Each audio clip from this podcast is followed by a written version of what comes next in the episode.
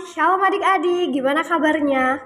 Seneng deh, KVK bisa kembali hadir menyapa kalian dalam program kesayangan kita, Renungan Harian Audio Cerdas Berpikir.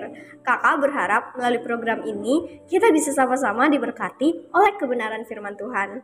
Dan kalau kalian diberkati, jangan lupa bagikan audio renungan ini kepada yang lainnya ya, supaya semakin banyak orang yang diberkati. Hari ini kakak akan ngebawain renungan yang judulnya Penyertaan Tuhan. Adik-adik, kalau ngomongin soal penyertaan Tuhan, kebanyakan dari kita pasti langsung menghubungkannya dengan campur tangan Tuhan dalam banyak aspek kehidupan kita. Sehingga kita mengalami keberhasilan. Misalnya, penyertaan Tuhan dalam hal studi membuat kita mampu mengerjakan ujian, mendapatkan nilai yang bagus, melanjutkan tahap pendidikan di tempat yang keren, dan lain sebagainya. Contoh lain nih, penyertaan Tuhan dalam bidang karir.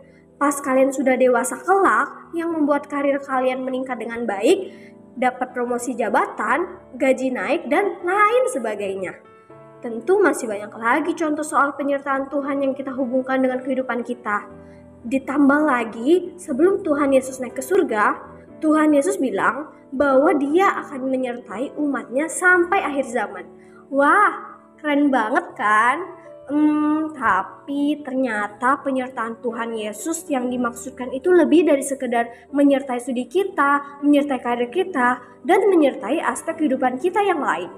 Tuhan Yesus bilang gini dalam Matius pasal 28 ayat 19 sampai dengan 20. Karena itu, Pergilah, jadikanlah semua bangsa muridku dan baptislah mereka dalam nama Bapa dan Anak dan Roh Kudus. Dan ajarlah mereka melakukan segala sesuatu yang telah kuperintahkan kepadamu. Dan ketahuilah, aku menyertai kamu senantiasa sampai kepada akhir zaman. Jadi, sebenarnya penyertaan Tuhan yang dimaksud dalam perkataan Tuhan Yesus ini adalah penyertaan Tuhan dalam rangka memuridkan kita Lalu, melalui hidup kita, orang lain tertarik mengenal Tuhan dan ingin menjadi murid Tuhan Yesus. KVK ulang ya. Jadi sebenarnya penyertaan Tuhan yang dimaksud dalam perkataan Tuhan Yesus ini adalah penyertaan Tuhan dalam rangka memuridkan kita.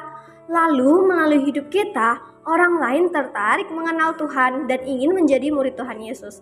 Adik-adik, Tuhan Yesus kan gak kelihatan secara fisik, tapi walaupun begitu, Tuhan Yesus tetap hadir dalam hidup kita.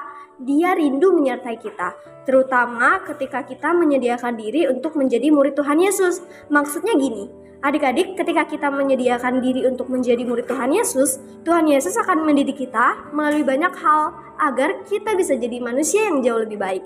Nah, sekarang waktunya bagi kalian untuk memutuskan mau jadi murid Tuhan Yesus atau enggak. Bagi yang mau, selamat! Itu adalah pilihan yang tepat.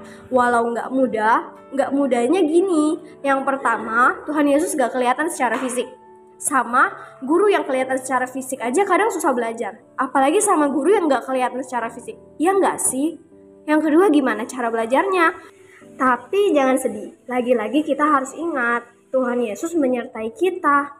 Kitanya yang harus berusaha mendekatkan diri kepadanya kita harus menyediakan waktu untuk berdoa dan mengoreksi diri. Mungkin awalnya kita ngerasa kayak ngomong sendiri gitu, tapi nggak apa-apa, yakin aja bahwa Tuhan ada bersama kita. Soal gimana belajarnya, kalau kita ada kesempatan mendengarkan firman Tuhan dan penjelasannya, ya kita harus mendengarkan dengan sungguh-sungguh supaya kita bisa mengingat dan memahaminya. Dan mungkin suatu saat Tuhan mengizinkan kita menghadapi kejadian yang membuat kita menghadapi dua pilihan menurut firman Tuhan atau enggak. Ini kayak ujian praktik gitu. Hmm, dalam hal ini benar banget tuh apa yang tertulis di dalam Roma pasal 8 ayat 28 yang bunyinya gini. Kita tahu sekarang bahwa Allah turut bekerja dalam segala sesuatu untuk mendatangkan kebaikan bagi mereka yang mengasihi Dia, yaitu bagi mereka yang terpanggil sesuai dengan rencana Allah. Pengalaman soal menjadi murid Tuhan Yesus untuk setiap orang tuh nggak sama, bahkan mungkin sulit dijelaskan dengan kata-kata. Makanya, ayo kita berusaha menjadi murid Tuhan Yesus. Dia pasti menyertai kita. Soh, mau jadi murid Tuhan Yesus kan? Bagi kalian yang mau, bisa taruh tangan kanan di dada. Kalau situasinya nggak memungkinkan, bisa bilang dalam hati ya.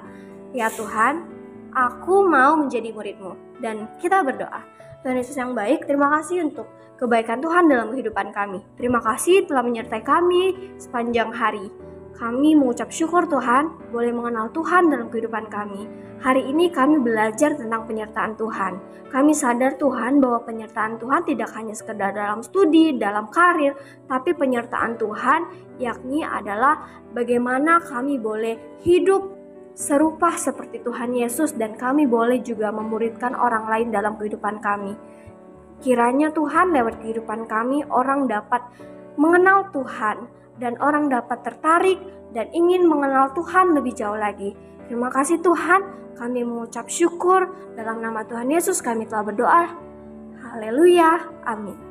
Oke, KVK undur diri dulu ya. Tetap sehat, tetap semangat, dan tetap jadi berkat. Jangan lupa bahagia ya. Tuhan Yesus memberkati. Dadah!